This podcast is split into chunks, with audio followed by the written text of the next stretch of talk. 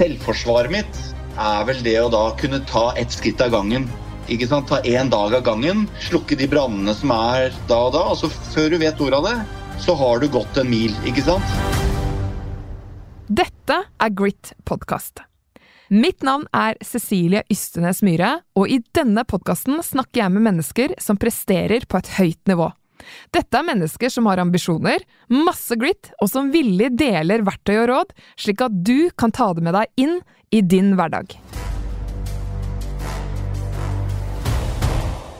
Velkommen til en splitter ny sesong av Grit.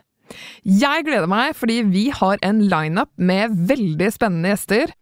Du møter blant annet Michelin-kokken Christer Røseth, politimester i Oslo Ida Melbo Øystese og CEO i Nille Kjersti Hobøl.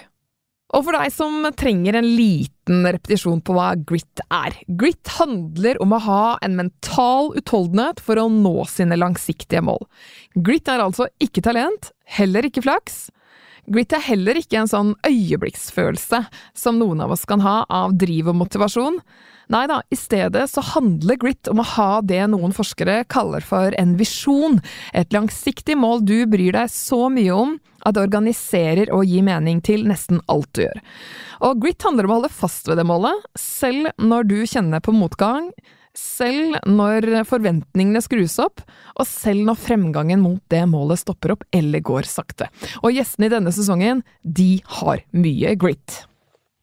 I dag skal du få møte stjerneregissør Joakim Rønning. Rønning han har blant annet regissert filmene Max Manus og en Pirates of the Caribbean-film. Han har også vært med på å lage den Oscar-nominerte Kon-Tiki-filmen, basert på Thor Heyerdahl og Kon-Tiki-ekspedisjonen. Og ikke minst har han regissert den kjente Disney-filmen med Angelina Jolie i hovedrollen Maleficent Mistress of the Evil. Velkommen til uh, Grit podkast, Joakim. Takk. Og som du sa litt før vi startet opp her, du er uh, ni timer uh, bak meg, blir det da. Sånn at det er tidlig morgen i Vancouver, Canada. Ja, det er det. Her er kaffen putret i et par timer allerede, så vi får se om hjernen er, er våken. Altså, du har lyktes på det høyeste nivået i Hollywood, og jobber nå med mange av verdens beste innenfor film, og ikke minst skuespillere. Hvis du skulle prøvd å oppsummere faktisk litt i korte trekk, hva har det krevd av deg? Hva det har krevd av meg og mine, vil jeg kanskje si, er jo at jeg um, må jobbe mye. Jeg er mye ute og reiser. Det har jo vært vært eh, perioder hvor det ikke er noe å gjøre. og det er jo kanskje enda tøffere for sånne som meg, som eh, liksom liker at det skjer ting. Så det er klart at det er en eh, berg-og-dal-bane å jobbe hardt og samtidig da også være en eh, frilanser, som jeg er ikke sant, i, i mitt yrke. Det krever en del av meg, og så krever det enda mer av min familie, som uh, knapt ser meg. da? Spesielt mine barn og sånne ting, som, eh, som ikke alltid er like lett. Ja, fordi du er vokst opp i Sandefjord, er det riktig? Ja. ja. Og nå er du i, i mye USA og Canada. Kan ikke du si litt om eh, oppveksten din, og det, hvor tidlig du kanskje også begynte å interessere deg for eh, film? Ja, nei, altså jeg vokste opp i Sandefjord og har en eh, far som var amatørskuespiller der. Blant mange andre ting han var også. Han var uh, eide platebutikk, og han um, var uh, nærradiovert. Så det var mye greier, og sammen med min mor også. Så når jeg vokste opp og var liten, så var jeg Og det her er noe jeg har tenkt på en del, da, altså sånn med tanke på hvorfor kom, eller hvorfor fikk jeg den interessen? ikke sant? Og hvor er det det startet, og hvordan har det seg at liksom jeg, en fyr fra en liten by i Sør-Norge, plutselig, da, som du sier, liksom får lov til å jobbe på et ganske høyt nivå internasjonalt med milliarder av kroner eh, til rådighet og verdens beste skuespillere og, og team. Og Der det startet for meg, var i hvert fall når jeg var med han på, min far på teater. da, Jeg husker veldig godt uh, som en fantastisk uh, lekeplass, da, dette teatret som vi løp rundt med liksom backstage. og jeg husker liksom, Vi var høyt og lavt og hadde egentlig ingen regler. og Jeg fikk se liksom hvor lyden ble laget, og hvor lyset kom fra, og hvem som styrte når skuespillerne skulle komme ut på scenen. og så var jo det det største øyeblikk for meg var jo på en måte også da å sitte bak scenen og se reaksjonene til publikum da, på andre siden av teppet.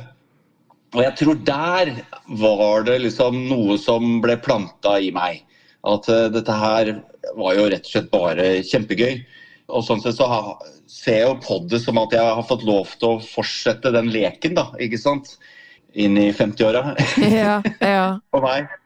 Så jeg tror det er der det startet. Og når var det det på en måte gikk fra å være en interesse til å bli et konkret mål å jobbe så hardt for, da, og på mange måter også da ofre en del for?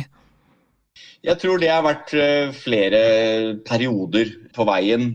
Når jeg var 10-11-12 år, så kjøpte da min familie kjøpte et videokamera. Det her er da altså tidlig 80-tallet.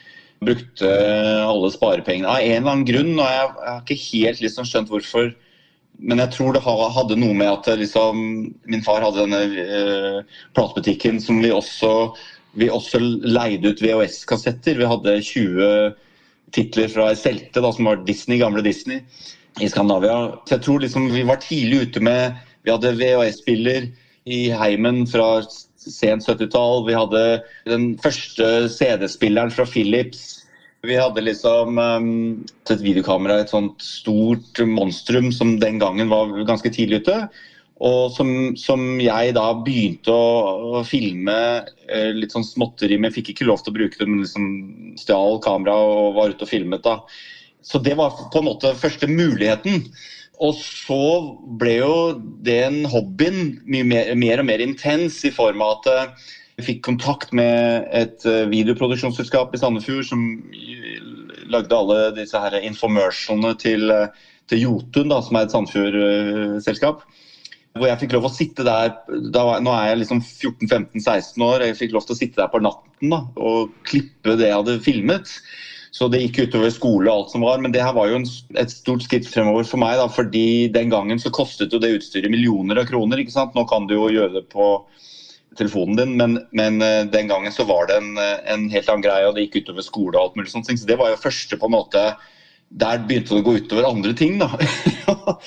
og så var det, etter at videregående var ferdig, så dro jeg et år til London og liksom jobbet eh, liksom, kaffekoker i forskjellige film- og videoselskaper. Og det var egentlig da jeg tror jeg virkelig tok valget. Jeg husker jeg ringte Espen Sandberg, som var min venn og kollega i mange mange år og regipartner og sa Jeg husker den telefonsamtalen fra London og sa at nå har jeg lyst til å satse. Jeg har lyst til å satse. Så da, han, da gikk han på eksamen filosofikum og var dritlei. Så da kom vi sammen, og jeg kom hjem til Norge og så lagde vi vår første liksom, ordentlige kortfilm. da. Jeg tror vi hadde budsjett på 5000 kroner, men det var jo liksom mye penger for oss den gangen. Med skuespillere og lagde liksom en ordentlig narrativ. Da er vi liksom 19-20 år. Og så eh, etter det så gikk vi på filmskole i Stockholm sammen. Det var også et sånt slags valg. Og så når vi kom ut, så hadde vi jo tenkt å lage spillefilm, men da hadde reklamefilm startet i Norge. Det her var da på tidlig 90-tallet, så da ble vi sugd inn i reklamefilm. Og gjorde reklamefilm i ti år over hele verden og hadde litt suksess med det, da. Og det tok oss videre. Altså, du sier jo da du Husker du det øyeblikket 'nå vil jeg satse', ikke sant? Og du reiser til London og Stockholm, og så blir det liksom verden rundt. Minnes du tilbake på det som en periode der du tok en del risiko og hadde, var veldig modig, eller hvordan tenker du på det i dag? Altså, uh, ignorance is bliss, som det heter. Når man er ung og tror jo liksom sånn Hvis man skal tenke liksom på hvorfor og hva og hva jeg følte, og sånn, så følte jeg ikke det som noe sånn biggie, egentlig. fordi For meg så var det bare skritt på veien. altså Jeg er jo ambisiøs, ikke sant, og på godt og vondt. I øyeblikket så var det ikke så veldig stort, men jeg, husker jeg følte på en blanding av frihet, men også frustrasjon for at det var så vanskelig å komme inn i bransjen. Og det er klart at nå daglig så får jo jeg en e-mail eller en tekst eh, på, eller en DM på sosiale medier og sånne ting, hvor folk liksom du, Kan du hjelpe meg, på en måte? Og jeg, nesten hver gang jeg, jeg får noe sånt, så tenker jeg at oh my god, jeg er så glad jeg ikke er der ute. Avsenderen? ja, at jeg ikke er avsenderen. Men sånn er det jo bare. Man må igjennom det. Mm. Men uh, den frustrasjonen varte i mange år. det der at Jeg følte ikke at det gikk fort nok. ikke sant? At man... Uh, at jeg, var, jeg, kjedet meg mye og sånn den gangen. Ja. Og, og, da er det jo et eller annet der fremme som du kjenner er så attraktivt at du gir deg ikke på harde møkka. ikke sant? Blir, det blir den seigheten. Hvis du klarer du å sette ord på hva det er som driver deg? Jeg tror det er vanskelig å sette ett ord på det. Fordi det er en blanding av ting. Men jeg tror daglig så har jeg inspirasjon i livet mitt. Og den inspirasjonen altså Jeg kan våkne opp og være inspirert. Altså det tror jeg mennesker kan være. Og andre ganger så kan du se en film, eller du kan høre musikk, eller du kan ta deg et glass vin eller tre og bli inspirert, ikke sant. Og jeg føler at ofte den inspirasjonsfølelsen kommer uh, oftest når jeg har et slags overskudd. Altså inspirasjon, drivkraft, ambisjoner altså Alt det hører litt sammen, da, for meg i hvert fall.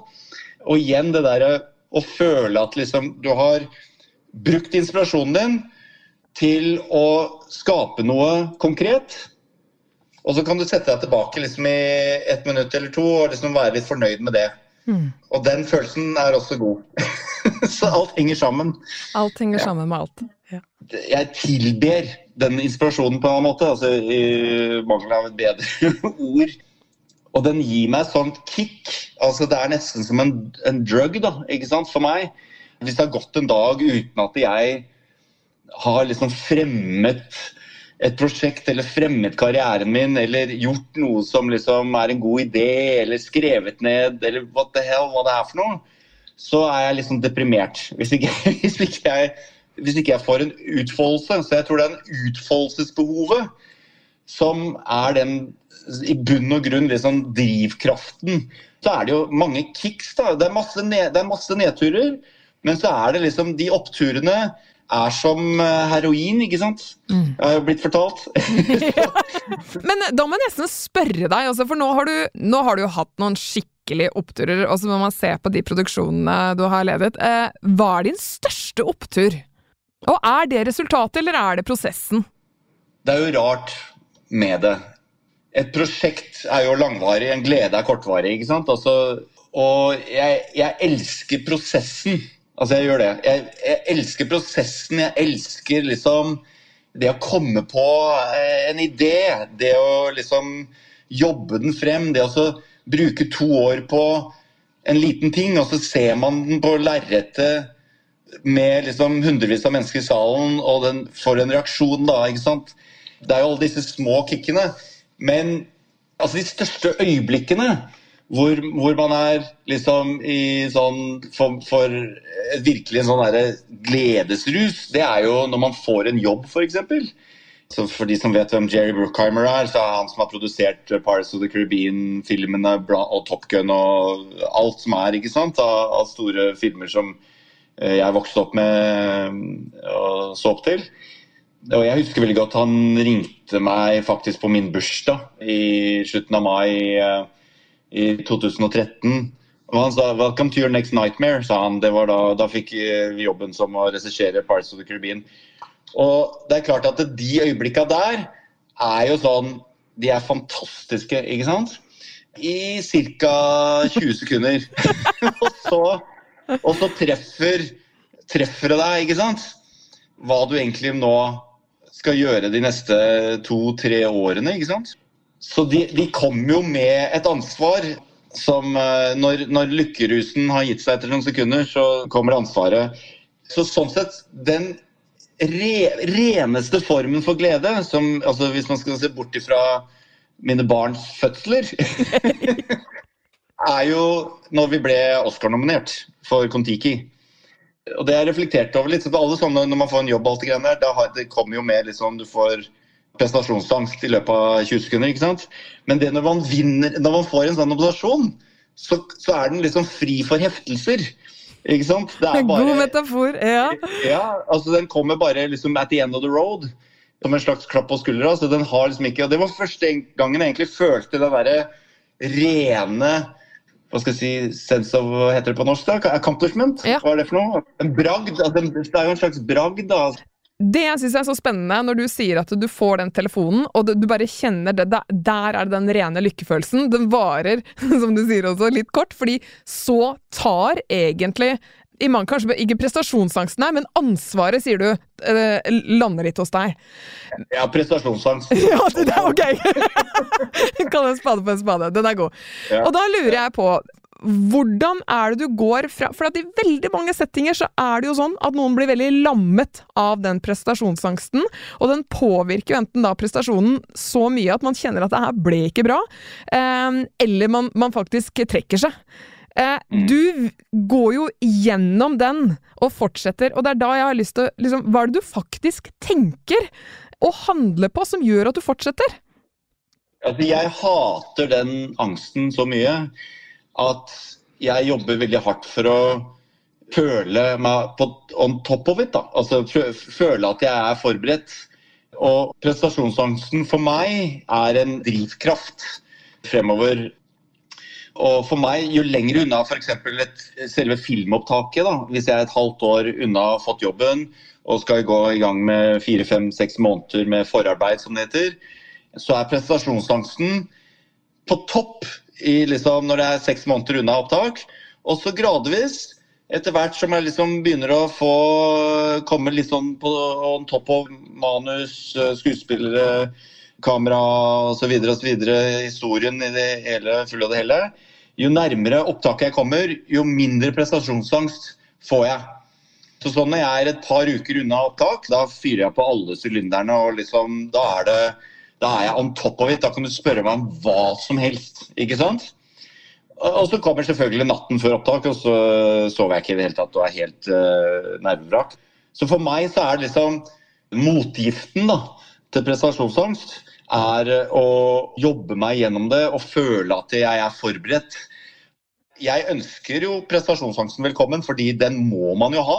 Altså Hvis jeg ikke hadde den, så hadde jeg jo ikke vært her jeg var nå. fordi det er jo den som, som pisker meg hele tiden. ikke sant? For jeg er jo lat og jeg har jo mer lyst til å gå på kino eller å surfe på et eller annet uh, rart uh, på internett. Eller, altså, det, den, det drar jo i meg hele tiden, ikke sant?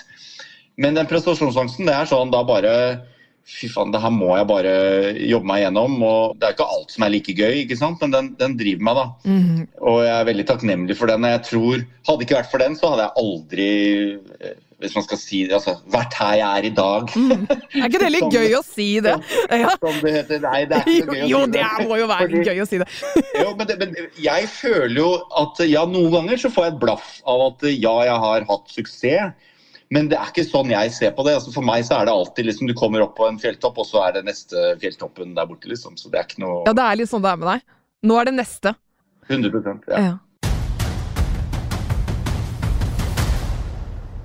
Som gründer så lærte jeg veldig tidlig hva jeg skal bruke tiden min på, og hva jeg ikke bør bruke tiden min på for å skape mest mulig vekst og lønnsomhet.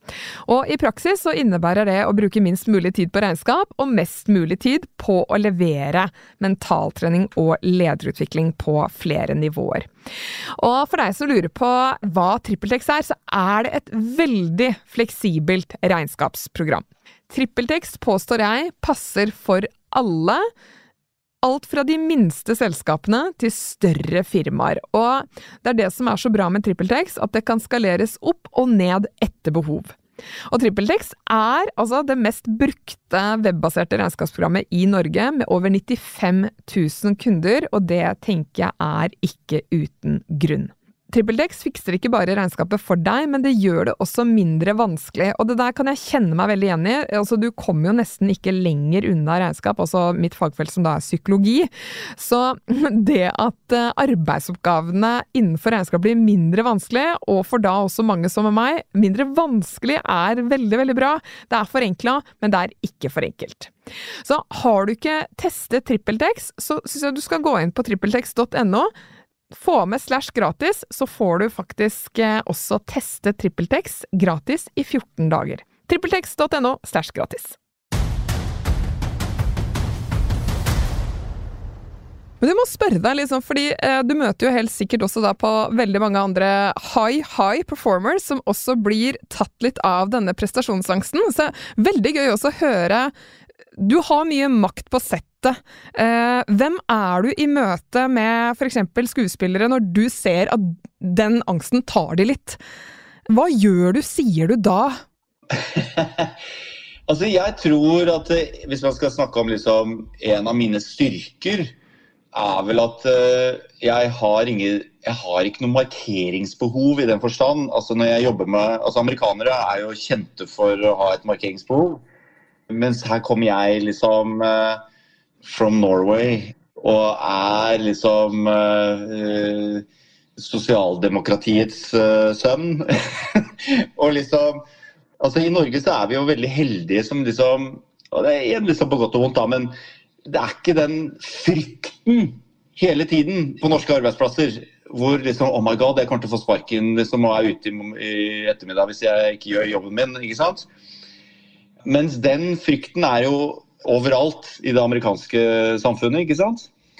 Sånn at eh, det har skapt et miljø på jeg tror veldig mange arbeidsplasser som er survival of the fittest. rett og slett. Og det gir seg utslag i hvordan man er mot hverandre. Du, kan, du skal ikke åpne deg opp, du må ikke gi hemmeligheter. Du må ikke gi noen andre muligheten til å snakke dritt om deg. Det er et sånt opplegg. mens eh, så kommer jeg da, ikke sant, inn der og, og er litt sånn avvæpnende tror jeg, i den uh, sammenhengen. Og har jo lært også litt underveis hva jeg ikke skal gjøre. Altså. Og jeg må jo si, uh, jeg lærte ikke arbeidsmoral fra å jobbe i Norge. Det gjorde jeg ikke. Jeg synes I Norge så er det veldig mye. Jeg skal i barnehagen og hente klokka tre, og det er ikke noe vei utenom det. Og det er helt akseptabelt. Og igjen, det er jo bra, det. Og i USA så er det jo da helt motsatt ende av den skalaen, ikke sant. Hvor du føder barn eh, hvis du er kvinne og er tilbake på jobb etter ti dager. og Hvis ikke, så mister du jobben. Mm. Så jeg tror kanskje jeg, når jeg kommer inn i et sånt miljø, så, så skaper jeg nok etter et par dager i hvert fall, hvor de liksom skjønner at jeg ikke er full of shit, så, så skaper jeg nok et litt mer senka skuldre. Og jeg tror skuespillere og crew eh, liker det, da. Jeg har nok også sikkert en slags form for humor og selvironi. Jeg har en sarkasme som jeg har måttet uh, tone ned veldig. Liksom, liksom når vi begynte å jobbe i reklamefilm i utlandet, husker jeg vi ble spesielt i Tyskland hadde liksom man måtte, hvor ingen skjønner noen ting. ikke sant? Da, ironi og sarkasme stort sett. Så er det sånn Man må se an rommet litt. Det har man lært av. ikke sant? men, men jeg, tror, jeg, tror, det er det, da. At uh, når noen er nervøse, så, så prøver man å liksom bare være for, for, forstå så godt man kan. Ja. Men du, så jeg hører jo, ikke sant, her, Vi snakker om en ganske jordnær type i deg, med selvironi, og du tar deg ikke selv så høytidelig. Men, men, er det jantelov i deg? Altså, Janteloven står ganske sterkt i Norge. Det er kjempeinteressant å høre fra deg hvordan ditt eget mindset er knytta til det der, og i USA, da.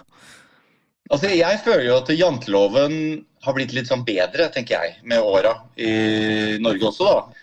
Spesielt der du skal ikke tro du er noe av det greiene der. Fordi jeg trodde jo jeg var noe fra jeg var ti, år gammel, ikke sant. Så jeg har liksom ikke opplevd at det har vært et sånt stort problem, egentlig. Men det er jo en del av det norske at liksom Du skal ikke komme her og komme her og liksom uh, tro at du er noe. Ja. Og, mens i USA så hyller man jo det tankesettet. Da, ikke sant? Så det er sånn sett kanskje blitt en del av hvorfor jeg liksom er dratt litt mer mot USA. da. Men når det er sett, så, så, føler jeg jo på en måte at de beste filmene jeg har laget, det er jo de norske filmene. Ja, så, ja. så, det er jo også en, en, det er mixed emotions. Ja.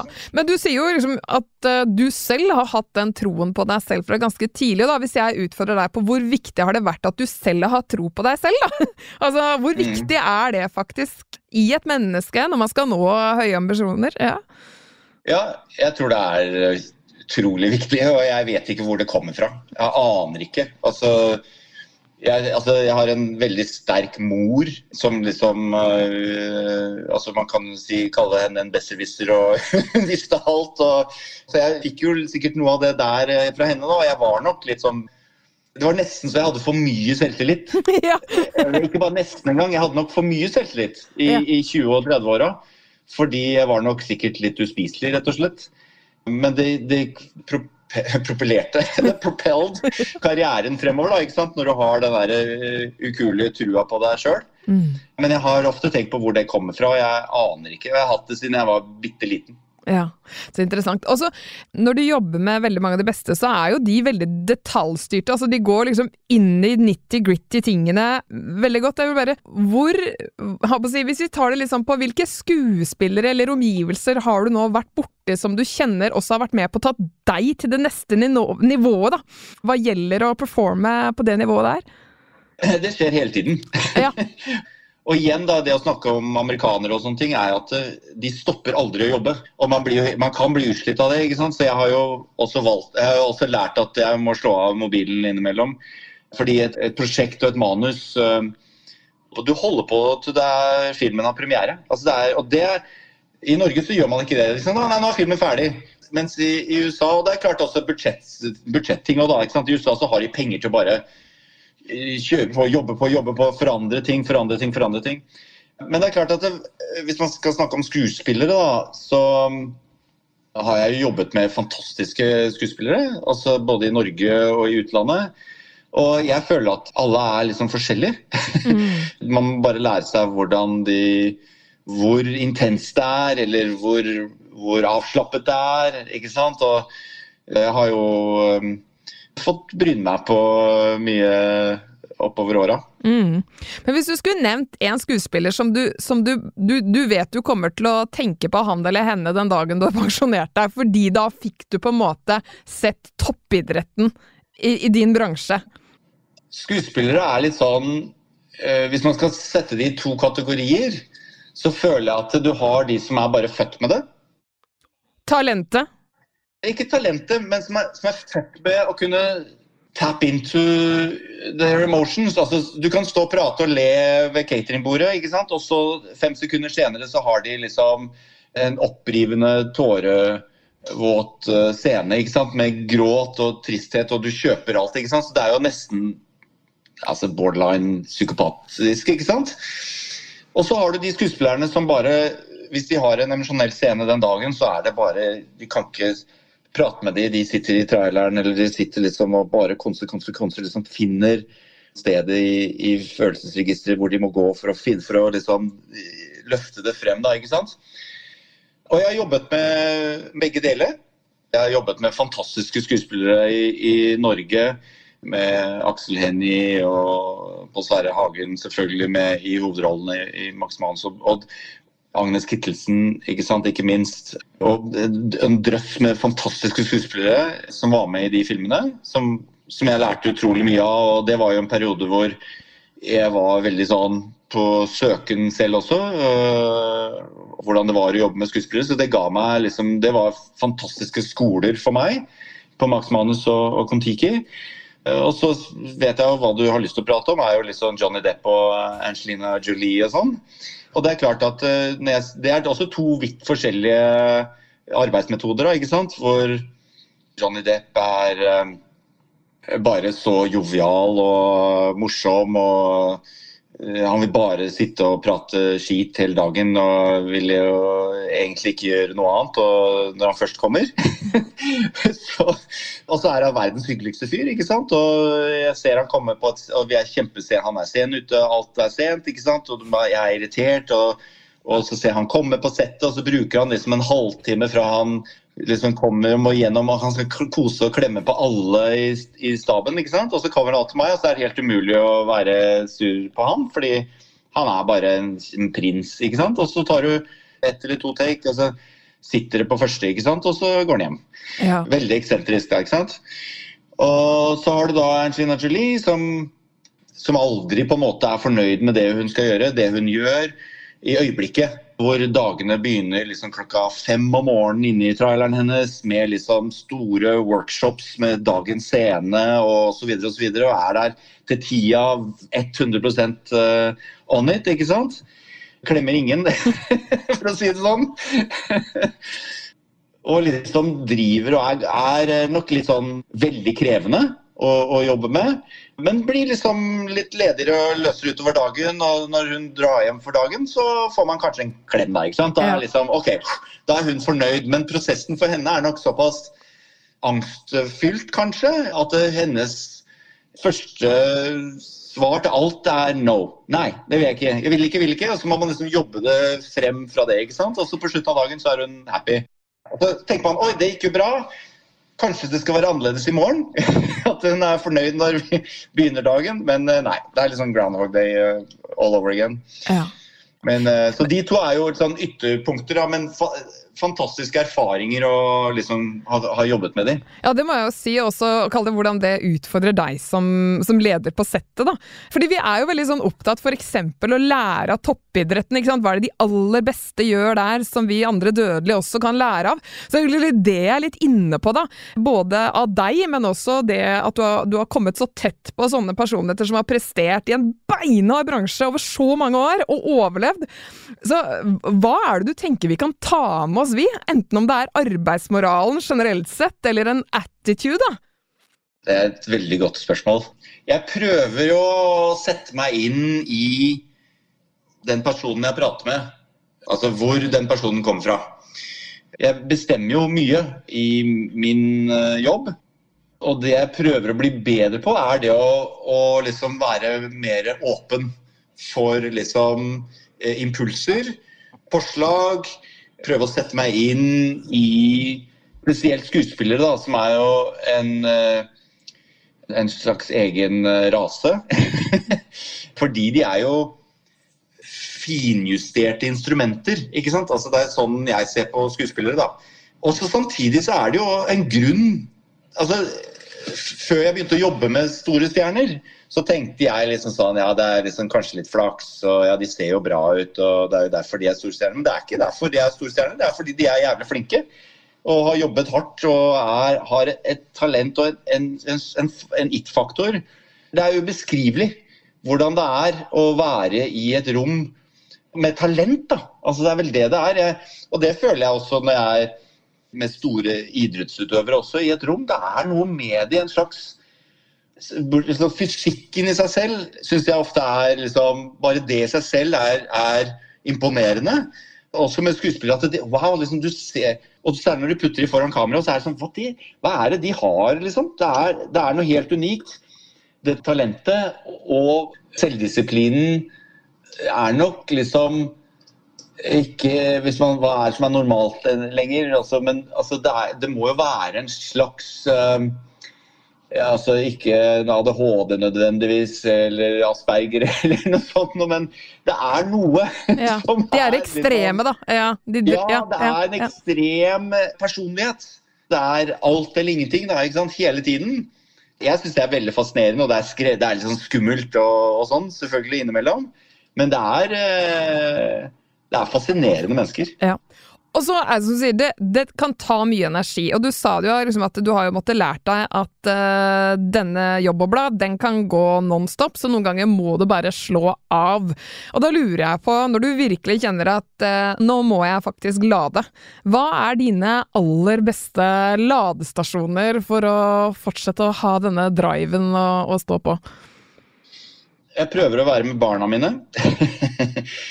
Og det har jo vært eh, vanskelig sånn uh, rent uh, logistisk oppover åra.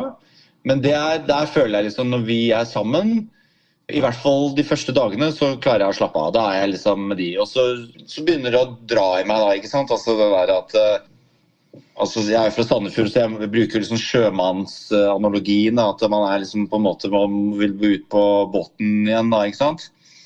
Så drar man ut på båten, og så har man dårlig samvittighet. Men um, prøver å skrive litt. Det syns jeg er veldig avslappende. Da slår jeg alt. Da sitter jeg her og skriver litt, og så spiller jeg piano. Jeg har spilt piano siden jeg var seks år gammel. Det er veldig avslappende, men Huset er alltid fullt av folk, så, så, det er liksom Jeg vet ikke. Jeg har blitt flinkere til å trene. Uh, og liksom er igjen da litt lat, men uh, jeg har skjønt at liksom uh, Jeg har jo lyst til å leve så lenge som mulig, og da er jo det å bevege seg veldig viktig. Men jeg har en sånn tendens til å liksom være litt ekstrem i den form at liksom når jeg trener, så trener jeg veldig mye, og så helt til jeg klarer jeg ikke å gå. ikke sant? Det er jo en sånn slags uh, intensitet i alt sammen. Din kilde hører jeg jo egentlig da liksom, du gjør litt andre aktiviteter som får av jobbhodet ditt. Ja, men jeg, jeg, jeg gjør altfor lite av det. Ja, ja. Ærlig erkjennelse! jeg gjør det, altså. Jeg skulle altså, ja. ja. Men du sier jo også ganske mange ganger under samtalen vår at jeg er også litt lat. Tror du mm. at det at du har det i deg, faktisk også noen ganger å bare åh, jeg bare orker Og det er også faktisk en jeg si, en grunn til at du faktisk ikke blir skikkelig utbrent. Altså, Jeg har hatt Erna Solberg i Grit, eh, statsminister. Da er du også egentlig på ganske 24-7, men hun også sa sånn som deg. Jeg er jo også litt lat, vet du. Ikke sant? Det er veldig interessant. Ja, ja, ja. ja. Jeg kan helt klart dytte ting bort altså, og, og, fremover og til en annen dag. ja. Så sånn sett eh, Du har rett i det. Den la, latskapen har nok uh, reddet ja. meg. For jeg ser jo folk som brenner, brenner ut rundt meg. Og jeg har jo et autoritetsproblem, ikke sant? I form av at uh, du skal ikke fortelle meg uh, noe. I form av liksom, når ting skal være gjort og ferdig og sånn. Og da ofte liksom, går jeg motsatt vei av det. Så. Men jeg ser jo folk rundt meg som ikke har den luksusen, da, å kunne dytte på ting. Og så må levere ikke sant? klokka elleve om kvelden. Uansett hva det er. ikke sant? Og, og jeg tror det, det, er mye, det, det, er mye, lettere å brenne seg ut i sånne stillinger. da. Ikke sant? Mm. Grit er sponset av Lederprogrammet. Lederprogrammet er et tolvukers hybrid lederutviklingsprogram for ledere som ønsker å skape endring. Og siden 2020 har 250 ledere fra små og store virksomheter gjennomført programmet. Programmet består av ulike moduler som eh, til sammen gir deg en fantastisk verktøykasse for å utvikle deg som leder. Og en av de første modulene er det jeg som har vært så heldig å få lov til å ha ansvaret for. Og det er en modul om selvledelse. Der går vi rett og slett gjennom hva er selvledelse, hvorfor skal du bruke tid på det i en lederrolle, og hvordan er det du kan bruke evidensbaserte, praktiske verktøy for å håndtere negativ stress og mentalt støy. Og du får konkrete eksempler både fra idrett og næringsliv. Bak dette programmet står Tor Åge Eikerapen, og han har også med seg andre eksperter på programmet, som f.eks. Bård Fyn og Per Henrik Stenstrøm. Programmet det starter 13.2 og har begrensa antall plasser, så ønsker du å sikre deg plass nå, så anbefaler jeg å sjekke ut lederprogrammet.no. Helt sånn avslutningsvis nå. For å bygge selvtillit, bevare drive, motivasjon, senke stresset over tid. Altså, hvilke råd vil du gi til andre mennesker som, som, trenger på en måte å bygge opp en mentalitet rundt det, sånn at de våger å gå litt mer ut av komfortsona? Komme seg ut av komfortsonen. Hva er komfortsonen, da, egentlig? Altså, er det å jobbe, eller er det ikke å jobbe? Er du i feil jobb? Er du interessert i det du jobber med? Er det en uh, lidenskap, det du jobber med? I veldig mange tilfeller så er det jo ikke det, ikke sant? for folk flest igjen så kan jeg bare si jeg, liksom, hvordan, hvordan, jeg ser på det. Og det er at eh, jeg er så heldig å ha en jobb som er også min lidenskap. Så for meg, når jeg prater om noe, når jeg prater om en scene eller når jeg prater liksom, med skuespillere, så er jeg veldig entusiastisk. Og kanskje at den entusiasmen smitter. Da, ikke sant? Jeg har liksom lært meg hvordan jeg skal være, som det heter på engelsk, altså good in a room. Så jeg, jeg tror uh, Hvordan komme deg ut av komfortsonen. Altså, hvordan, hva er det for noe, da? Det er jo, altså, vi er, alle er forskjellige. Altså, Mm. Vi er forskjellige mennesker. Men tror du magien skjer når vi våger å tre ut av det trygge og prøve nye ting vi ikke alltid har erfaring med fra før av? Ja, altså, det er jo bare én måte å finne ut av det på. Godt svart. Og det, det er jo å trå ut av komfortsonen. Det er jo hva er det verste som kan skje, da. Tror jeg det er ofte er viktig å tenke litt, da. Hvis man ønsker å, å bevege seg. Mm. Men da, da er du jo litt inne på dette med å sette perspektiv. Hva er det verste som kan skje? Bruker du, kall det den, den perspektivmåten å tenke på når du kjenner på presset? Jeg tenker ikke det. Jeg tenker ikke hva er det verste som kan skje. Fordi det eneste jeg gjør, er å se på veien foran meg. Og så ta et skritt av gangen, så godt det lar seg gjøre. Og når jeg da en sjelden gang på en måte liksom tenker seks måneder frem i tid, da, f.eks. Det, er- det er da prestasjonsangsten treffer meg. Så jeg har ikke så veldig lyst til å være der. Nei. Så du sant? trekker deg tilbake her og nå, du.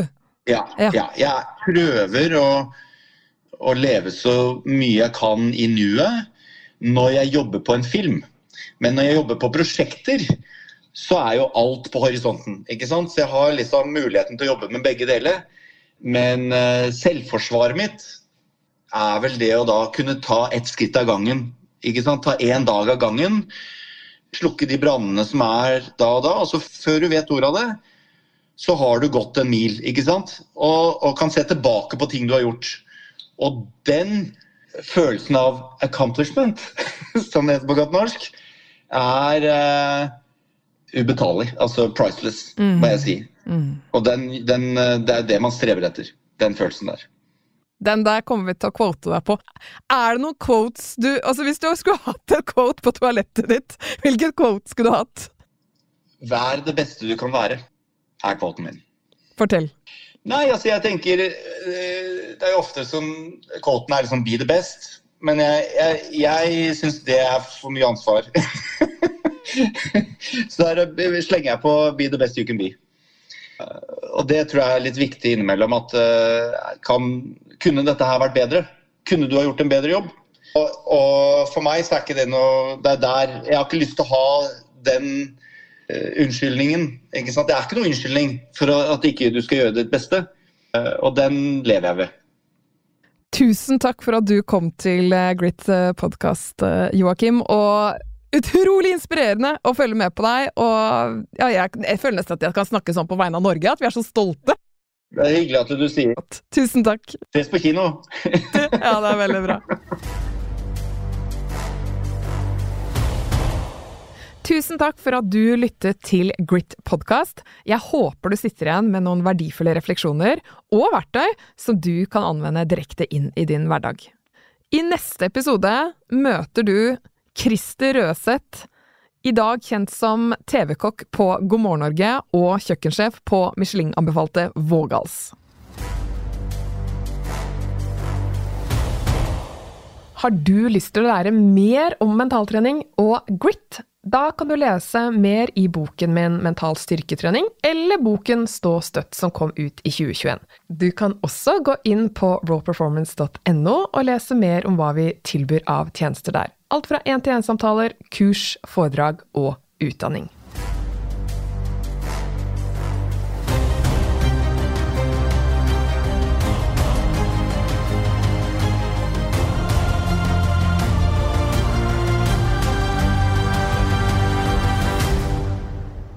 Denne podkasten er produsert av Monster Podkast for Raw Performance.